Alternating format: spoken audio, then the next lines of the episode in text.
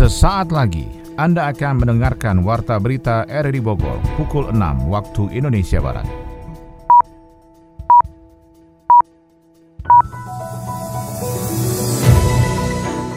Selamat pagi, salam jumpa. Kami kembali hadir dengan Warta Berita Pagi ini, Jumat 4 Juni 2021.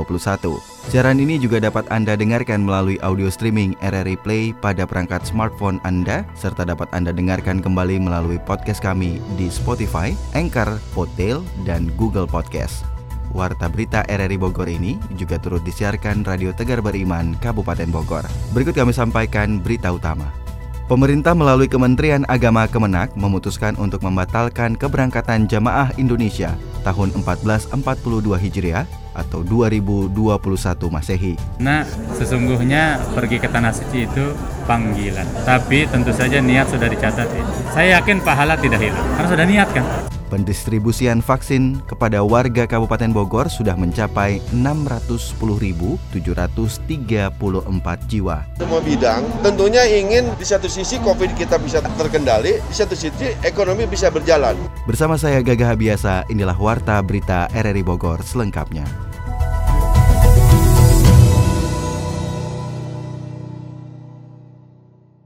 Pemerintah melalui Kementerian Agama Kemenak memutuskan untuk membatalkan keberangkatan jamaah Indonesia tahun 1442 Hijriah atau 2021 Masehi. Hal itu disampaikan oleh Menteri Agama Yakut Kolil Komas dalam konferensi persnya yang disiarkan secara daring Kamis 3 Juni 2021.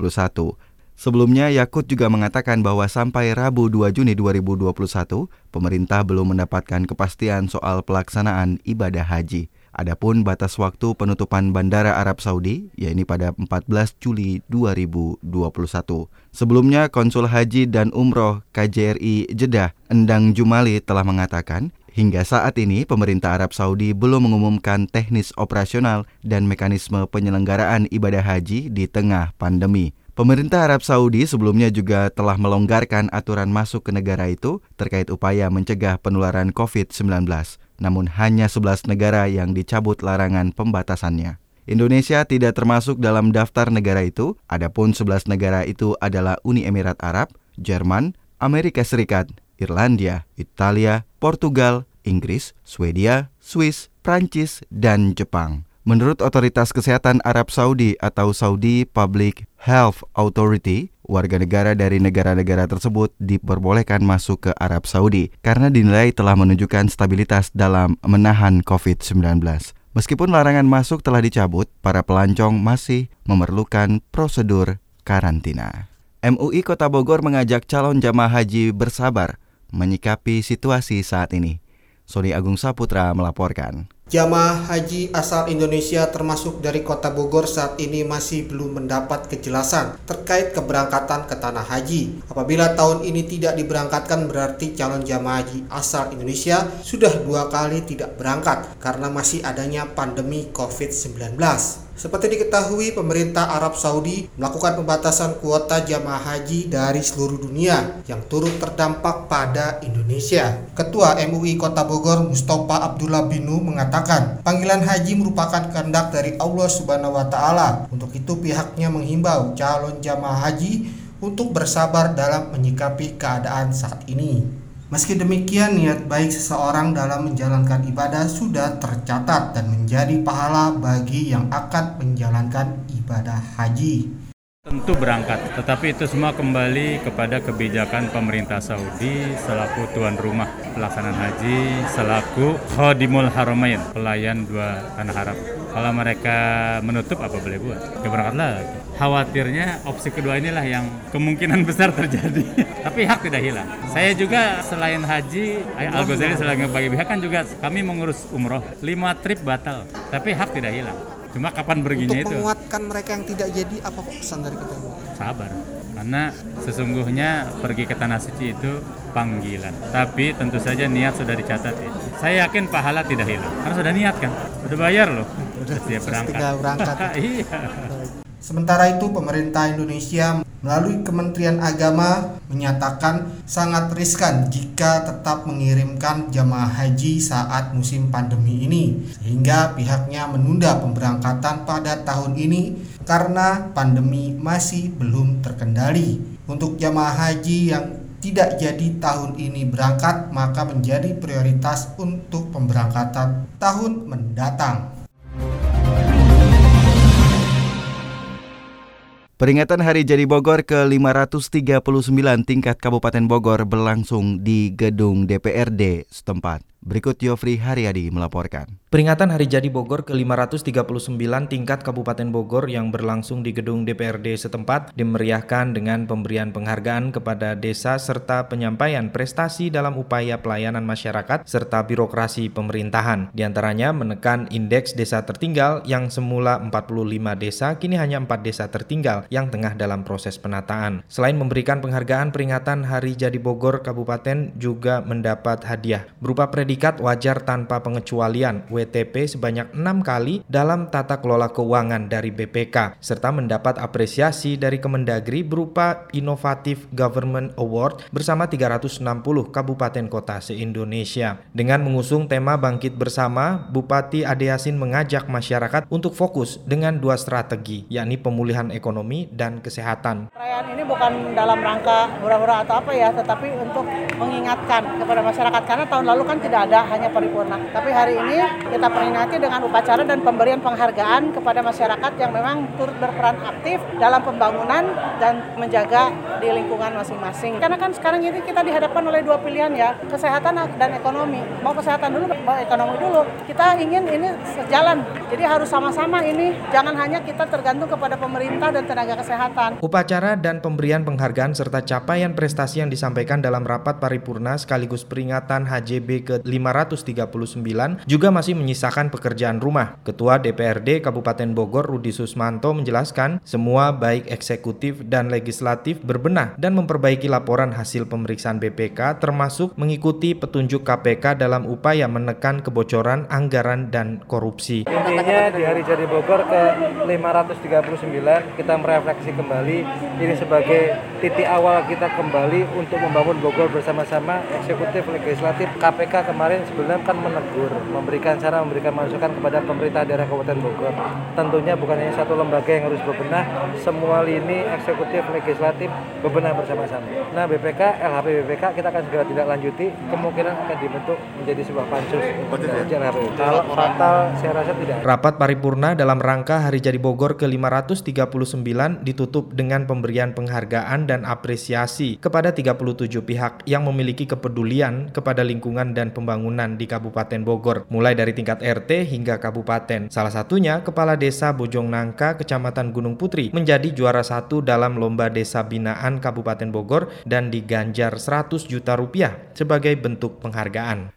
Tanggal 3 Juni kemarin, Bogor genap berusia 539 tahun. Bagaimana harapan Ketua Komisi 1 DPRD Kota Bogor, Anita Primasari Mogan? Berikut kita simak perbincangan bersama Adi Fajar Nugraha. Baik, sekarang saya sudah bersama Ketua Komisi 1 DPRD Kota Bogor ada Bu Anita Primasari Mogan. Bu, ini uh, Bogor memang sudah terbilang sangat tua Bu, 539 oh, tahun. Iya betul, 5 abad lebih. Nah, apa yang mungkin perlu dimaksimalkan di di tahun ini, eh, khususnya di Kota Bogor ini, perkembangan-perkembangan apa atau pola seperti apa yang mungkin harus diterapkan oleh pemerintah Kota Bogor di tahun ini, Bu Anita? Ya.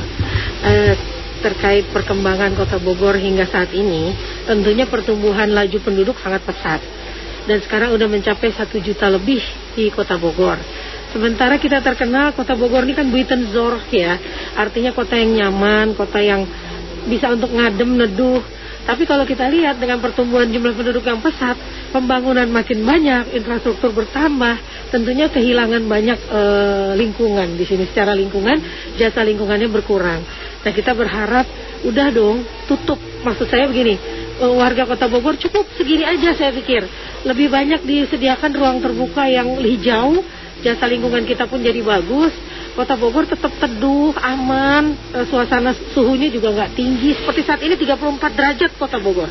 Kenapa? Ya karena sudah berkurang yang namanya lahan hijau, hutan, apa segala berkurang. Saya ingin ke Kota Bogor bukan berubah berubah berbeda uh, lebih baik, lebih baik pasti.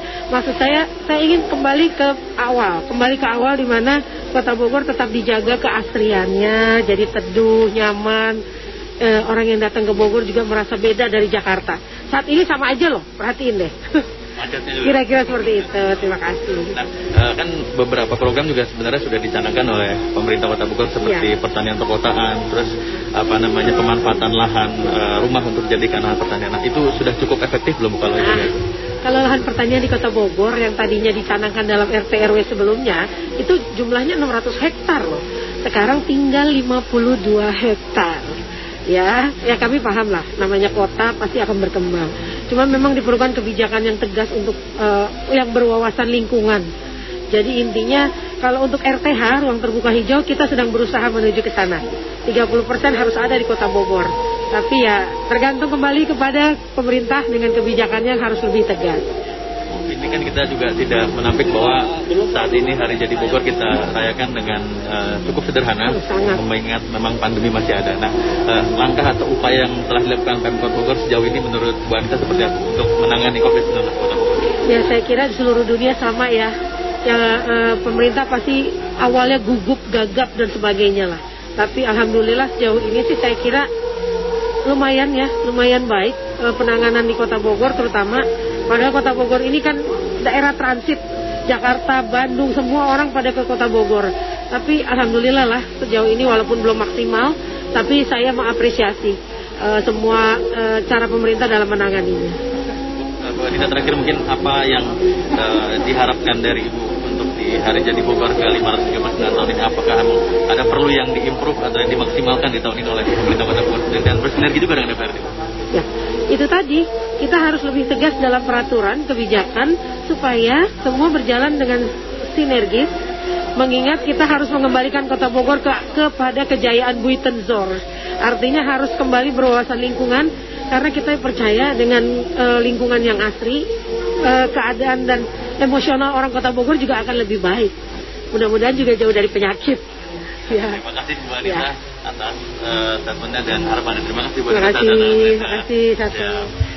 Itu dia saudara pendengar uh, Ibu Anita Primasari Mongan uh, selaku Ketua Komisi 1 DPRD Kota Bogor yang tadi telah menyampaikan memang beliau menyoroti satu hal yaitu terkait soal uh, lingkungan dan penghijauan di Kota Bogor yang memang saat ini harus atau perlu dimaksimalkan lagi oleh pemerintah setempat dan stakeholder terkait lainnya untuk mengembalikan Bogor pada masa kejayaan terdahulu yaitu Butindok. Eh, menjadi kota yang ramah lingkungan.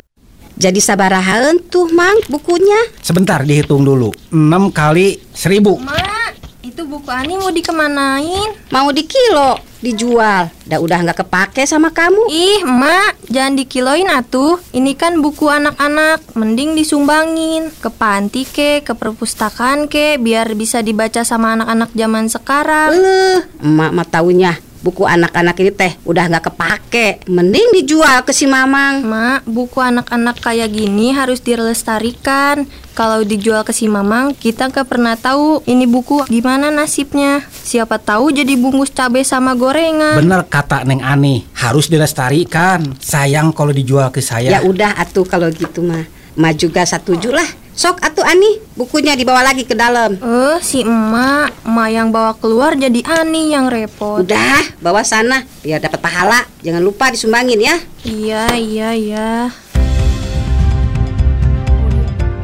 Anda tengah mendengarkan Warta Berita RRI Bogor. Pendistribusian vaksin kepada warga Kabupaten Bogor sudah mencapai 610.734 jiwa. Yofri Haryadi melaporkan. Pendistribusian vaksin kepada warga Kabupaten Bogor sudah mencapai 610.734 jiwa. Bagi ASN, guru dan pelayanan umum, termasuk di luar itu, adalah para pengelola objek wisata yang ada. Bahkan salah satu destinasi wisata terbesar yang berada di puncak Bogor telah menerapkan vaksinasi kepada 1.200 karyawannya secara mandiri, serta 2.200 pengelola objek wisata lainnya tersebar di Kabupaten Bogor. Di satu sisi, Kabupaten Bogor dihadapkan dengan persoalan kesehatan kesehatan karena pandemi COVID belum selesai, serta penurunan ekonomi akibat kebijakan PSBB dari pemerintah. Ketua Satgas Pemulihan Ekonomi Nasional Kabupaten Bogor yang juga Wakil Bupati Bogor Iwan Setiawan mengatakan kebijakan pemerintah Kabupaten Bogor adalah melonggarkan pengetatan terutama kepada objek wisata dan industri yang ada seiring dengan penerapan prokes dan 5M sebagai standar operasionalnya. Kabupaten Bogor kebetulan saya ditunjuk menjadi ketua FED dan insya Allah ke depan ini kemarin saya sudah rapat pertama bagaimana membuat satu kebijakan semua bidang. Tentunya ingin di satu sisi COVID kita bisa terkendali, di satu sisi ekonomi bisa berjalan. Itu ada dua faktor yang mungkin menjadi salah satu kebijakan kita. Pertama bagaimana regulasi, pelonggaran di dalam bagaimana jam operasional, okupansi, dan lain sebagainya. Itu sudah mulai kalau COVID-nya landai kita akan longgarkan. COVID-nya naik ya kita naik turun. Kalau COVID-nya naik, ya kita akan ada perketat. Selain itu, guyuran program 1 miliar satu desa juga menjadi bagian dalam pemulihan ekonomi, terutama di wilayah desa pelosok di Kabupaten Bogor. Salah satunya di Desa Cipenjo, Kecamatan Cilengsi, yang masuk dalam kategori desa tertinggal. Sekdes Cipenjo, Cilengsi, Suparta mengatakan dengan program padat karya dari program 1 miliar satu desa, warga Cipenjo memiliki kesempatan untuk bekerja dan berpendapatan. Salah satu pekerjaan yang akan segera dibiayai adalah pengerasan jalan dengan lebar 4 meter di lingkar jalan desa tersebut. Memang tadi kondisinya jalan sepertinya udah ada, udah keras, tapi kurang. Luas jalannya 4, 4 meter. Jadi yang adanya sih ya kurang dari 4 meter.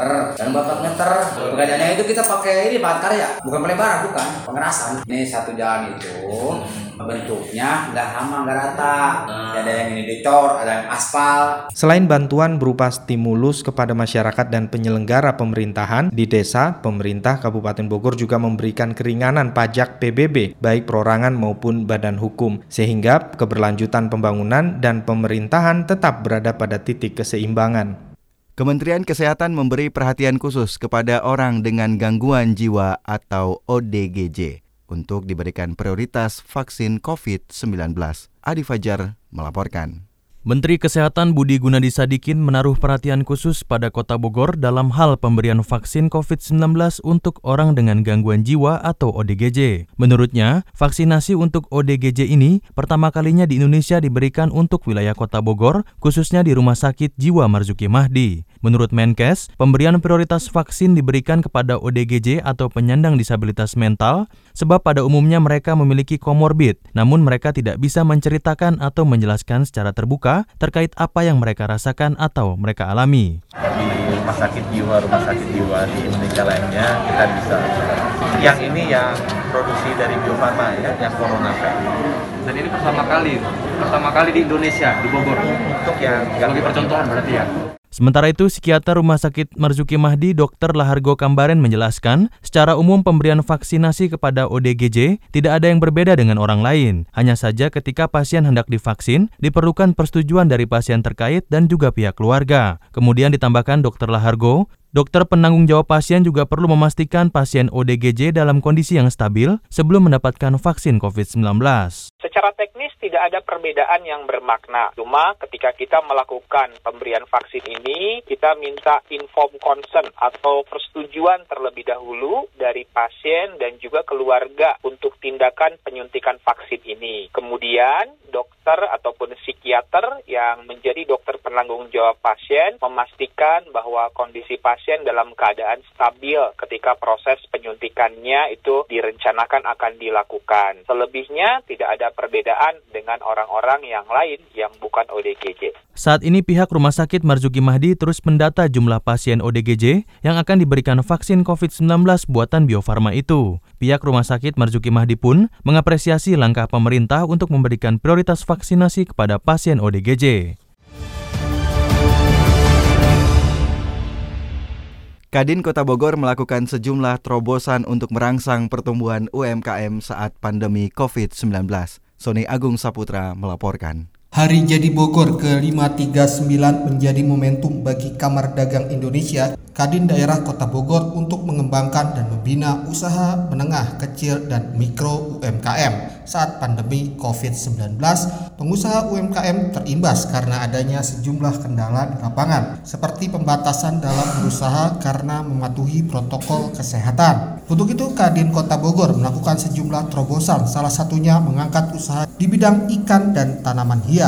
Ketua Kadin Kota Bogor Almer Rusdi mengungkapkan saat ini perlu adanya penanganan menyeluruh bagi pengusaha UMKM yang terus berjuang agar tidak terhimpit desakan ekonomi di tengah pandemi COVID-19 pembinaan dan pendampingan. Selain itu diharapkan dapat menjadi salah satu momentum bangkitnya perekonomian di Kota Bogor terutama bagi para pelaku usaha mikro di masa pandemi ini. Kadin tidak hanya memikirkan diri sendiri dalam artian memikirkan pengurusnya, tapi lebih dari itu, keberadaan UMKM di Kota Bogor harus menjadi perhatian kita semua. Mendorong mereka untuk terus maju dan berdaya adalah suatu keharusan. Terima kasih yang tak terhingga tentunya saya ingin sampaikan kepada seluruh pihak yang telah membantu membahu mensukseskan kegiatan hari ini terkhususnya keluarga besar Kadin Kota Bogor yaitu seluruh calon wakil ketua bidang di Kadin Kota Bogor. Terakhir saya ucapkan terima kasih yang sebesar-besarnya kepada Kapolresta Bogor Kota Sementara itu, Wali Kota Bogor Bima Arya meminta semua pihak turut melakukan upaya pertumbuhan ekonomi agar mendorong wilayah Bodebek dalam peningkatan daya beli masyarakat. Salah satu upaya yang sedang berlangsung adalah percepatan belanja barang dan jasa dari pemerintah daerah agar pekerjaan proyek infrastruktur pemerintah dapat berjalan sehingga bisa membangkitkan sektor perekonomian menjadi lebih meningkat sebagai efek domino dari pertumbuhan ekonomi. Berikut kami sampaikan dua berita ekonomi. Yang pertama mengenai Kementerian PUPR fokus pada lima program prioritas nasional selama pandemi dalam rangka mendukung pemulihan ekonomi nasional PEN. Kemudian tentang Badan Pusat Statistik mengumumkan angka inflasi periode Mei 2021. Berikut disampaikan oleh Adi Fajar Nugraha. Kementerian PUPR fokus pada lima program prioritas nasional selama pandemi dalam rangka mendukung pemulihan ekonomi nasional. Salah satunya dengan program padat karya tunai yang saat ini realisasinya mencapai 40 persen dan diperkirakan menyerap 1,2 juta tenaga kerja. Staf ahli Menteri PUPR bidang teknologi industri dan lingkungan Endra S. Atmawijaya mengatakan, pembangunan infrastruktur akan menciptakan lapangan kerja dan industri di sekitarnya juga turut tumbuh selama proses pembangunan berlangsung. Endra menjelaskan, Kementerian PUPR yang merupakan salah satu ujung tombak dalam proses pemulihan ekonomi nasional melalui pembangunan infrastruktur juga terus melaksanakan pembangunan di masa pandemi. Salah satunya adalah program padat karya tunai senilai 23,24 triliun rupiah ini dalam rangka membuka lapangan pekerjaan sampai ke pelosok pedesaan melalui 20 kegiatan seperti reservasi jalan, perbaikan drainase, mengecat jembatan, dan lain-lain yang realisasinya sudah mencapai 40 persen. Empat fokus pembangunan lainnya dari Kementerian PUPR di masa pandemi adalah pembangunan sarana dan prasarana pariwisata dengan alokasi sebesar 3,8 triliun rupiah, pembangunan proyek ketahanan pangan 34,3 triliun rupiah, pembangunan infrastruktur sektor informasi, komunikasi, dan teknologi sebesar 420 miliar rupiah, dan pembangunan kawasan industri sebesar 9,83 triliun rupiah. Badan Pusat Statistik mengumumkan angka inflasi periode Mei 2021. Ekonom Permata Bank Joshua Pardede memprediksi inflasi Mei 2021 sebesar 0,31 persen secara bulanan atau 1,67 persen secara tahunan. Dia mengungkapkan, untuk inflasi inti diperkirakan meningkat menjadi 1,28 persen secara tahunan dari bulan sebelumnya yang mencapai 1,18 persen secara tahunan. Hal ini didorong oleh kenaikan permintaan di saat menjelang lebaran, terutama saat turunnya THR bagi para pekerja. Dorongan kenaikan permintaan juga terjadi pada inflasi barang bergejolak, tercermin dari kenaikan berbagai jenis daging, mulai dari daging ayam hingga daging sapi, sebagai dampak permintaan yang meningkat jelang perayaan Lebaran di pertengahan Mei. Di sisi lain, harga barang yang diatur pemerintah akan mengalami kenaikan pula akibat kenaikan tarif transportasi yang terjadi sebelum masa penyekatan maupun setelah masa larangan yang berlangsung selama dua minggu. Bank Indonesia juga memproyeksi inflasi Mei secara tahun kalender sebesar 0,86 persen dan secara tahunan 1,64 persen. Penyumbang inflasi Mei 2021 hingga minggu keempat yakni komoditas angkutan antar kota sebesar 0,09 persen, daging ayam ras sebesar 0,06 persen, daging sapi dan emas perhiasan masing-masing sebesar 0,03 persen secara bulanan. Sementara itu beberapa komoditas mengalami deflasi seperti cabai rawit dan cabai merah masing-masing sebesar minus 0,05 persen, serta telur ayam ras sebesar minus 0,01 persen secara bulanan. Assalamualaikum warahmatullahi wabarakatuh. Saya Kolonel Armet Teguh Cahyadi, Komandan Kodim 0606 Kota Bogor bersama RRI Radio Tanggap Bencana COVID-19 agar mengikuti anjuran pemerintah yaitu rajin mencuci tangan, menjaga pola hidup sehat, konsumsi makanan yang sehat, hindari keramaian atau jaga jarak, hindari berkunjung ke wilayah lain atau pulang kampung, berolahraga, untuk menjaga kesehatan. Mari kita berdoa kepada Tuhan Yang Maha Esa agar kita dapat menanggulangi COVID-19 ini sehingga kita dapat beraktivitas seperti sedia kala. Terima kasih. Wassalamualaikum warahmatullahi wabarakatuh.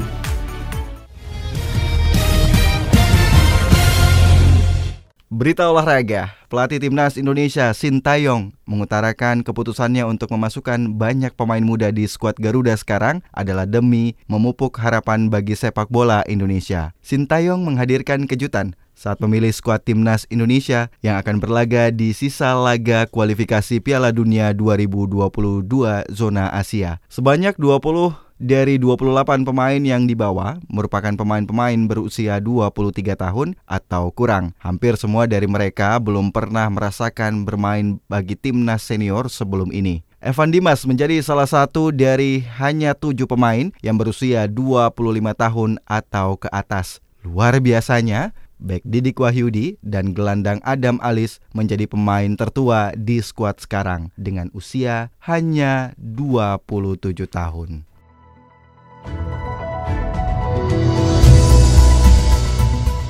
Saudara demikian informasi yang dapat kami sampaikan dan berikut kembali kami sampaikan berita utama hari ini. Pemerintah melalui Kementerian Agama Kemenak memutuskan untuk membatalkan keberangkatan jamaah Indonesia tahun 1442 Hijriah atau 2021 Masehi.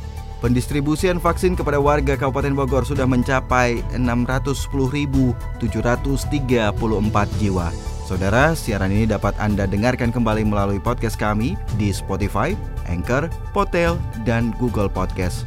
Mewakili kerabat kerja yang bertugas hari ini, saya Gaga Biasa mengucapkan terima kasih atas kebersamaan Anda. Selamat pagi.